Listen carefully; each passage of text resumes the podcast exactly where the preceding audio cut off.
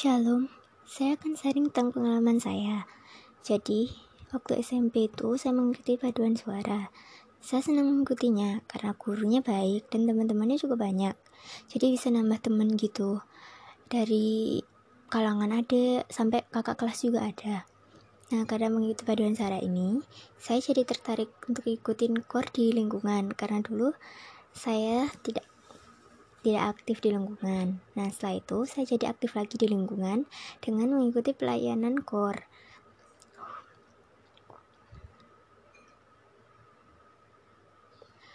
Uh, hubungannya ini dengan keapostolikan gereja adalah saya dapat melaksanakan tugas saya yaitu melayani Tuhan dengan nyanyian karena dulu saya juga jarang mengikuti nyanyian waktu di gereja nah setelah itu saya senang hati untuk bernyanyi waktu ada puji syukur, pujian syukur. Sekian dari sharing yang dapat saya sampaikan. Semoga dapat bermanfaat.